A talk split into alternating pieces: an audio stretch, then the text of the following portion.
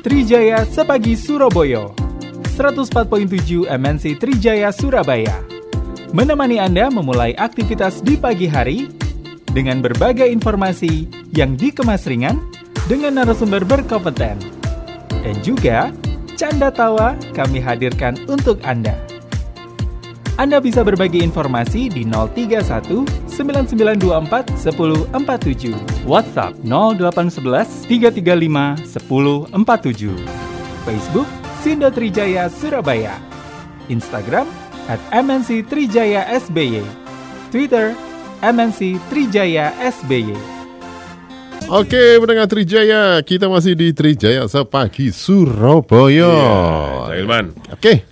Eh, Surabaya Mm-mm. kaya-kaya eh digemparkan ya Oh. dengan peristiwa yang terjadi beberapa kalau nggak salah dino minggu ya saya ada seorang ibu yang tega Sabtu sebenarnya. Sabtu ya, Iya. tapi sampai dengan hari ini gaungnya masih luar biasa bahkan polisi masih terus melakukan penyelidikan opo kok kemudian seorang ibu tega terhadap anak kandungnya eh, diperlakukan seperti itu hingga kemudian meninggal dunia Mm, mm. Tentu ini persoalan tidak bisa dilihat dari sisi eh, kekerasannya saja, tapi bisa jadi ada faktor-faktor lain. Faktor pemicu. Nah, nah, nah, kita pengen ngobrol masalah itu. Apa sebenarnya kok orang tua bisa begitu keras, bisa begitu eh, apa ya kejam, Tega. tega terhadap anaknya. Lah wong kewan nek karo anaknya begitu sayangnya ya. Mosok orang yang mempunyai akal budi, mempunyai perasaan, mempunyai jiwa sosial kok iso sampai kejeme seperti itu loh, Cak Ilman, ya. Nah, kita sudah tersambung Cak Ilman Yes. dengan narasumber kita pagi hari ini ada Dr. Diana Rahmasari, sarjana psikologi, master psikologi, MSI, eh, sorry sorry, MSI psikologi. Nah, yang beliau juga menjabat sebagai ketua Satuan Mitigasi Krisis Center UNESA. Oke. Kita sapa beliau. Ya. Ilman. Assalamualaikum, selamat pagi Bu Diana. Waalaikumsalam. Iya. Selamat pagi, Mas Selamat pagi. Wawan. Iya Bu Diana. Pagi. Sehat selalu Bu Diana. Alhamdulillah. Oh, iya, iya, iya, Bu iya. Diana iya, ini iya, ketemu iya, saya iya. di Lombok Cak Ilman. Wah, kita Oh, gitu. di Iya, Lombok Cak Ilman. dipertemukan oleh suatu kegiatan sosial. Oh. Penggerak donor Oh, kami ini. donor, ya. Iya, iya, iya. Wah Bu Diana luar biasa. Sehat selalu ya Bu Diana ya. Alhamdulillah, terima Iya. kasih. Hmm. Ya Bu Diana ini kan eh, kalau kita apa ya buka website, baca koran, Ya. dengarkan TV, eh dengarkan Ya. TV, lihat Iya. TV, dengarkan Lihat radio. TV, lihat dan dengarkan TV. ini begitu apa ya didominasi berita kekerasan yang terjadi di Surabaya tepatnya di kawasan Siwalan Kerto. Nah, nah ini tentu mengusik apa ya, mengusik rasa kita sebagai orang tua kok iso ya wong tua kaya ngono? Nah timbul-timbul pemikiran seperti itu. Nah terkait dengan kejadian se- seperti itu di mana seorang ibu tega kemudian melakukan kekerasan terhadap anaknya. Ini sebenarnya apa ya Bu Dian ya? Apakah ini kategori depresi atau emosi atau sakit jiwa atau apa ini kalau dari kacamata psikologi Bu Diana? Monggo silakan Bu Diana. Baik.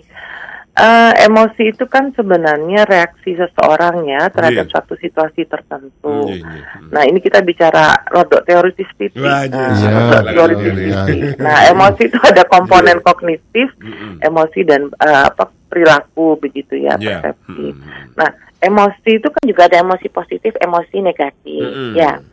Nah setiap kita tuh pasti mengalami itu karena itu bagian dari dari aspek psikologi seseorang tidak di tidak ditabukan, tidak Ya. dilarang Mm-mm. seseorang itu punya emosi negatif, Nggih. marah, benci, tapi bagaimana sebenarnya kita menyadari, menerima dan kemudian dihealing, Hmm, hmm, segera dihilangkan kan Hmm, begitu. hmm. Karena emosi negatif ini salah satu fungsinya adalah untuk survive.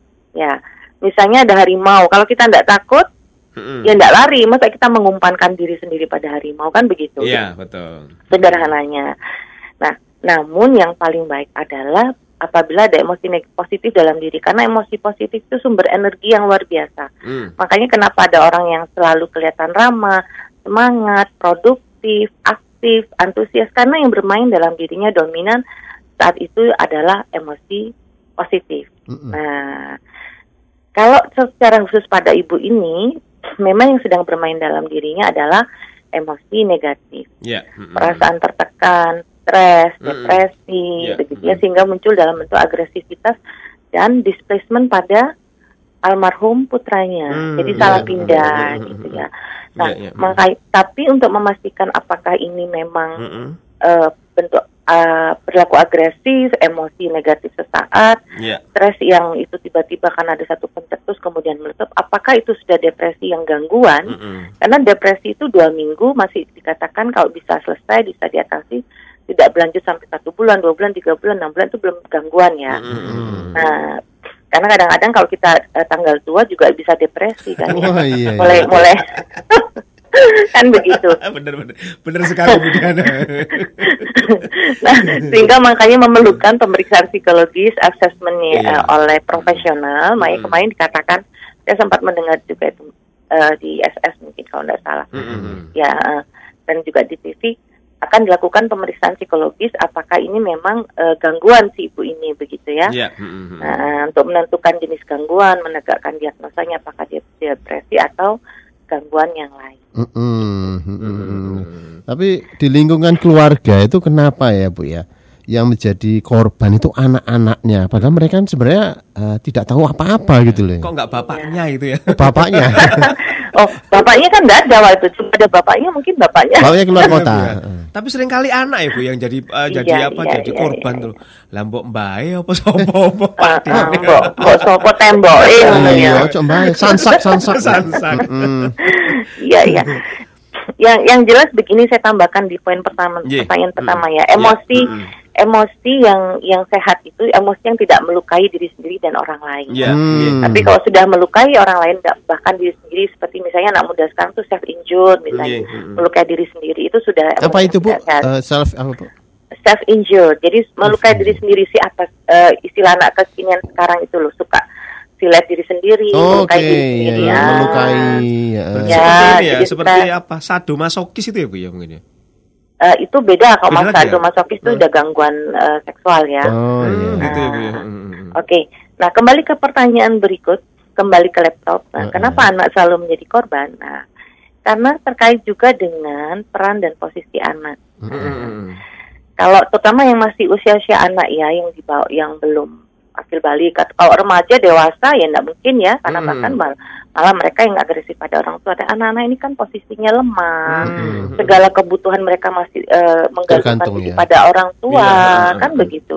Iya. Nah, apalagi kalau yang kemarin kasus kemarin kan kondisinya stunting Betul, ya, kalau betul, tidak iya. salah ya. Mm-mm. Terus kemudian peran anak itu yang harus menghormati orang tua, berbakti kepada orang tua, membantu orang tua, tidak membebankan orang tua, tidak membantah, gitu ya, mematuhi semua eh, semua peraturan eh, apa yang dikatakan oleh orang tua. Jadi terkait dengan peran dan posisi anak.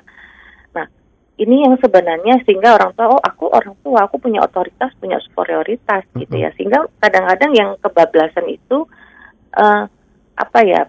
Saya punya hak untuk memperlakukan anak saya apa saja. Gitu ya. Mm-mm. Nah, Termasuk kalau itu. eh, kontranya itu sampai menghabisi itu Nah, hadiah gitu ya. Sudah. Ya, jadi kan memang akhirnya kan kalau misalnya dalam eh, dekade ber, apa 20 tahun terakhir tiga ya parenting itu berkembang makanya di eh, berkembang pesat karena memang itu sebenarnya untuk membentuk orang tua yang yang positif, orang tua Mm-mm. yang efektif, orang tua yang edukatif, orang Iya. tua yang Mm-mm. benar Mm-mm. gitu ya. Tuh. Iya, iya. Jadi memang terkait dengan peran dan posisi anak ya memang lemah dalam tanda kutip. Mm-mm. Mm-mm. Apalagi anaknya dalam kondisi yang sangat eh, terbatas Nah, gitu ya. sangat terbatas dan bisa jadi kelelahan mengurus kondisi anak kan begitu Mm-mm. gitu ya Iya, kemudian dengan nanti dengan faktor-faktor pemicu kekerasan la- lainnya. Iya iya iya. Kalau pemicu yang paling utama itu apa Bu Diana? Apa karena eh, ini ya masa lalu atau mungkin faktor ekonomi? Ya, kalau faktor ekonomi kayak eh sering ya Cak Wawan ya. Iya, mm-mm. Mm-mm. Jadi sering kali Masa terjadi lalu. ya Bu ya, di mana-mana Ya. wah, faktor ekonomi, orang tua tega menggigit telinga anaknya, misalnya seperti itu. Iya. Mm, mm, mm, mm. Kayak yang di kemarin di Jawa Barat itu malah tiga tuh anaknya Iya betul itu. sekali ya, kemudian diracun atau apa itu ya Bu ya. ya betul ya kalau masa lalu seperti lagu dangdut ya masa Wah. lalu kayak gitu. Oh iya Bu. Oh benar sekali. iya Bu. iya Bu. Nah, fak- eh, ada ada empat faktor sebenarnya, empat Yeah. kelompok faktor ya. Faktor individu itu artinya yang bersangkutan. Iya. Oke. Jadi memang begini, kalau mau dikatakan tadi masa lalu, kita ini kan sebenarnya masing-masing kita ini kan sebenarnya punya backpacker masa lalu. Nah, jadi backpacker itu istilahnya apa? Um, ransel di, di- yang kita bawa ke mana-mana di punggung kita. Itu kan berisi informasi-informasi masa lalu kita, Mm-mm. begitu ya. Terkait juga misalnya salah satunya bagaimana pola asuh orang tua kita terhadap kita, kan begitu. Ya. Nah, nah itu yang tanpa kita sadari itu kita copy paste dalam pola asuh pada anak kita. Itu yang pertama. Yang kalau kita ingat dengan masa lalu. Kemudian bisa jadi ada trauma di masa lalu. Bisa jadi seseorang itu juga menjadi korban kekerasan dan dia belum bisa healing, belum bisa mengatasi trauma itu dan itu yang terekam ke alam bawah sadar dan pada saat dia kehilangan kontrol sadarnya, agresif, marah, capek, stres dan segala macam itu kan ke-trigger muncul lagi. Mm-mm.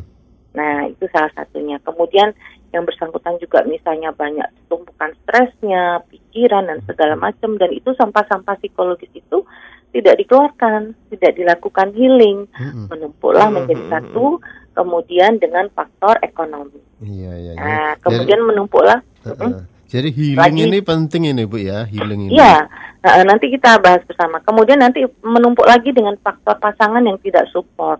Suami misalnya, suami eh, suami misalnya punya pasangan lain, kemudian dia pengangguran, Mm-mm. atau misalnya Mudah dia marah, sudah temperamen gitu ya. nah temperamen, alkohol dalam pengaruh alkohol atau Mm-mm. nafsa gitu ya, dan hubungan keduanya tidak harmonis, komunikasinya tidak bagus, gitu ya. Artinya dalam keluarga itu interaksi komunikasi antar orang tua itu tidak bagus. Nah ini hanya kan displacementnya salah pindahnya pada anak. Mm-mm. Nah kemudian budaya-budaya patriarki ya, misalnya kekerasan itu dilakukan oleh ayah misalnya, karena faktor laki-laki itu dominan, Iya, katakan sebagai faktor yang dominan begitu kan. Mm-mm. Nah Iya, iya. Gitu. iya. Jadi bukan faktor hanya individu, faktor eh, ekonomi enggak. eh, eh, bukan hanya faktor ekonomi tapi ada faktor lain ya yang memicu Ya. seseorang melakukan kekerasan. Iya, iya, iya, iya. Ya, Nah. jadi faktor individu, ekonomi, faktor pasangan kalau kekerasan itu dilakukan oleh ibunya, kemudian kalau kekerasan itu dilakukan oleh ayahnya, berarti itu faktor patriarki bisa bermain dalam eh, kasus itu, kondisi Mm-mm. itu. Dan juga faktor backpacker tadi ya Bu ya. Ya, jadi kan artinya artinya itu bisa membuat orang mental block. Jadi gini, backpacker itu sederhananya begini, kalau kita menghadapi satu situasi, Ya. Hmm. mm-mm. yang itu kurang lebih sama dalam alam bawah sadar kita. Mm-mm. Jadi karena kita mental block, Mm-mm. eh, nggak tahu cara menghandle satu situasi itu. Jadi pakailah kita backpacker yang ada yang ada di kita. Iya, informasi iya, iya. informasi yang ada di backpacker itu tanpa kita sadari kita pakai Mm-mm. untuk menyelesaikan atau merespon suatu masalah kan begitu. Iya, iya. Mm-mm. Mm-mm, ya ya ya. Ya Mbak Lia atau eh, Mbak Diana Diana. nih. Oh, Mbak Lia sih ya. Mbak Lia. Iya, Sampai Diana- mikir Mbak Lia siapa ya? Iya, Tetangga ya? Bu Diana ini mirip dengan anu, dengan saudaranya teman saya, namanya Mbak Lia. Oh, Lia. Oh iya iya Oh, iya iya. iya. Mas Wawan mirip mirip ah, ini saudara teman tetangga saya. Oh, iya, iya. Tetangganya Jadi, jauh sekali ya. Dalam kajian, Iya jauh. dalam kajian psikologi termasuk gejala apa itu, Mbak? Halu, halu, Mbak halu.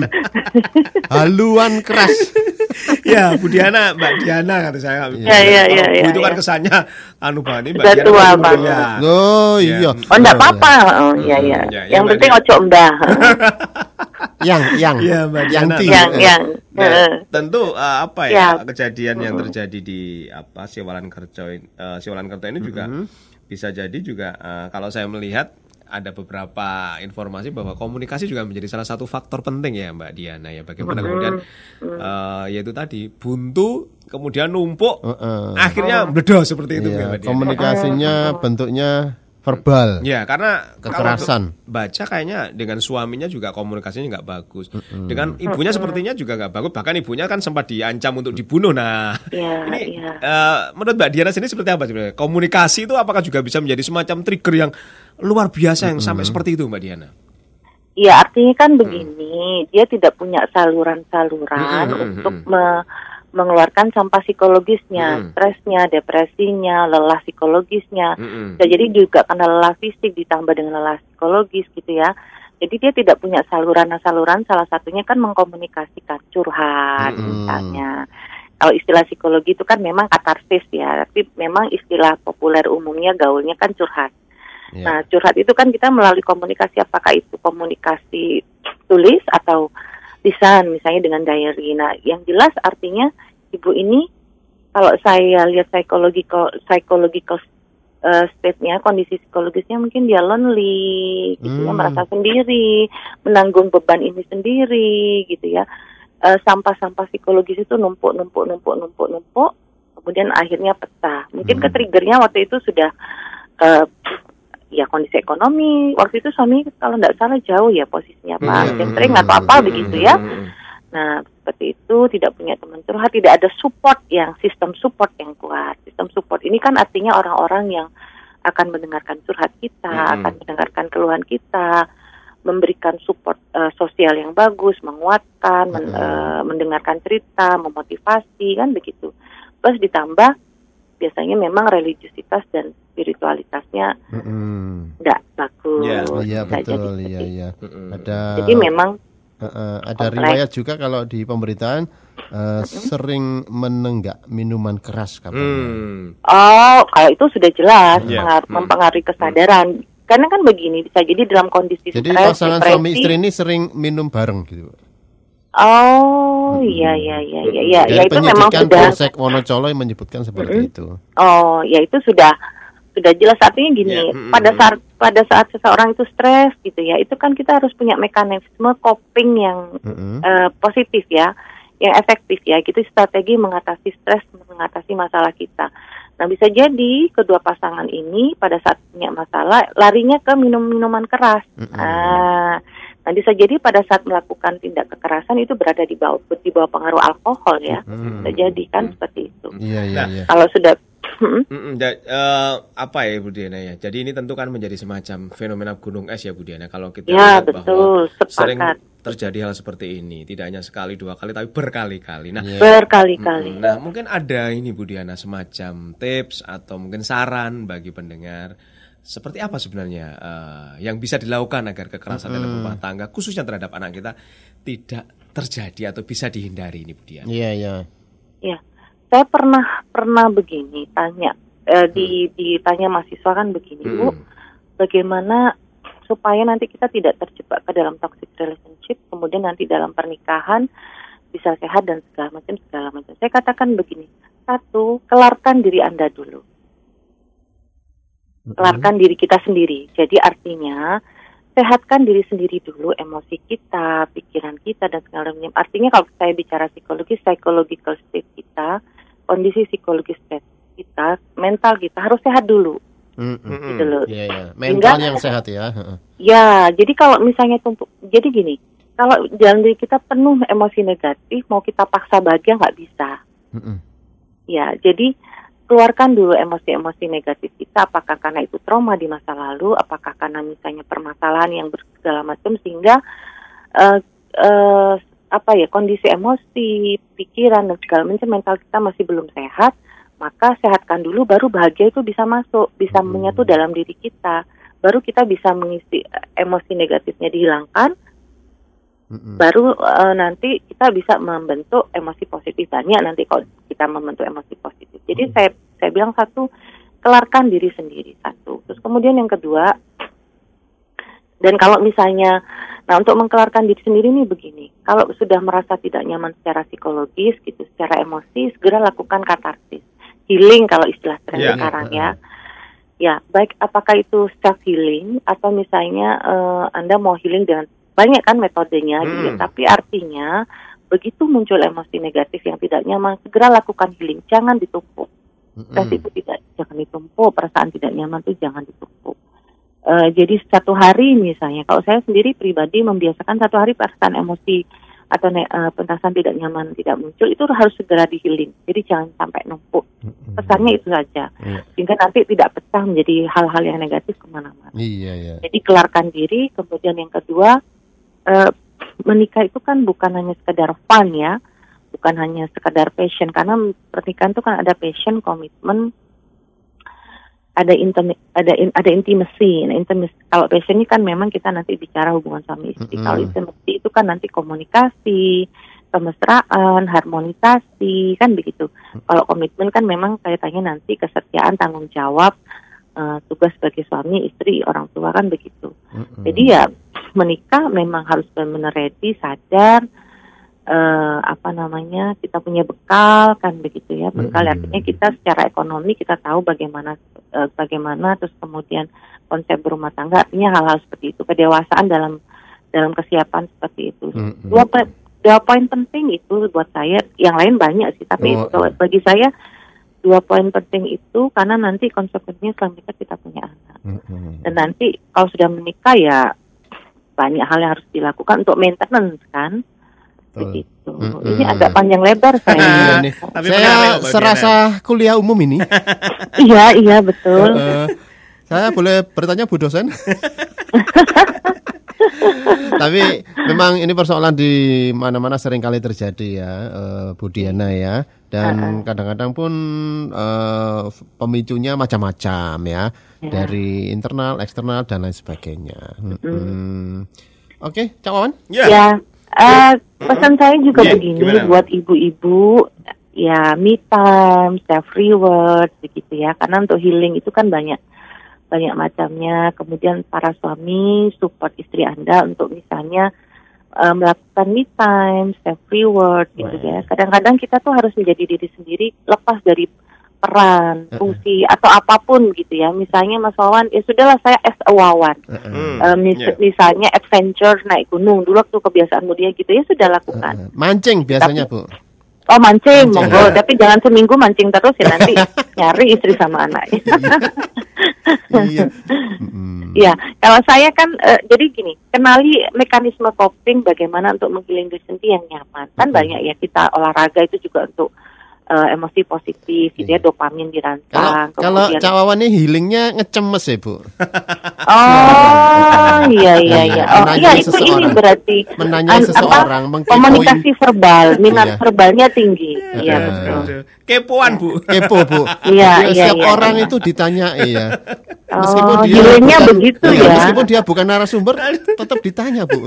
Iya iya iya iya. iya. Pantesan ketemu saya di Lombok, saya langsung ditanya nama. iya, Oh, nggak iya. apa-apa ya. Kalau kayak itu wajar ya. Ya, jangan kan Pastinya. Budian lah. Iya. Lah Iya, patung iya, polisi di depan Wonokromo saya tanya ibu, sejak kapan Pak berdiri di sini?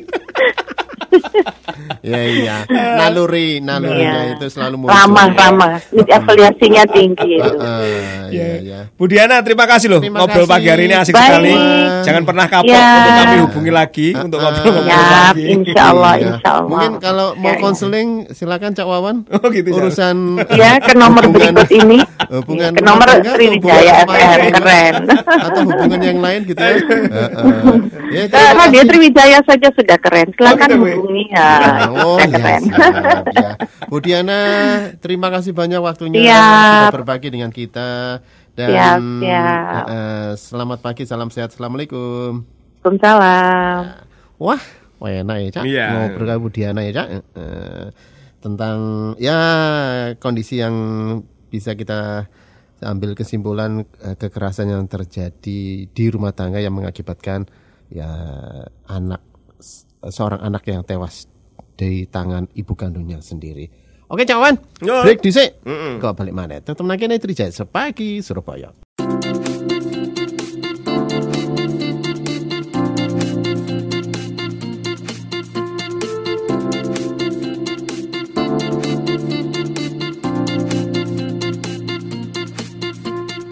Telah Anda ikuti Trijaya Sepagi Surabaya 104.7 MNC Trijaya Surabaya. Sampai jumpa esok hari.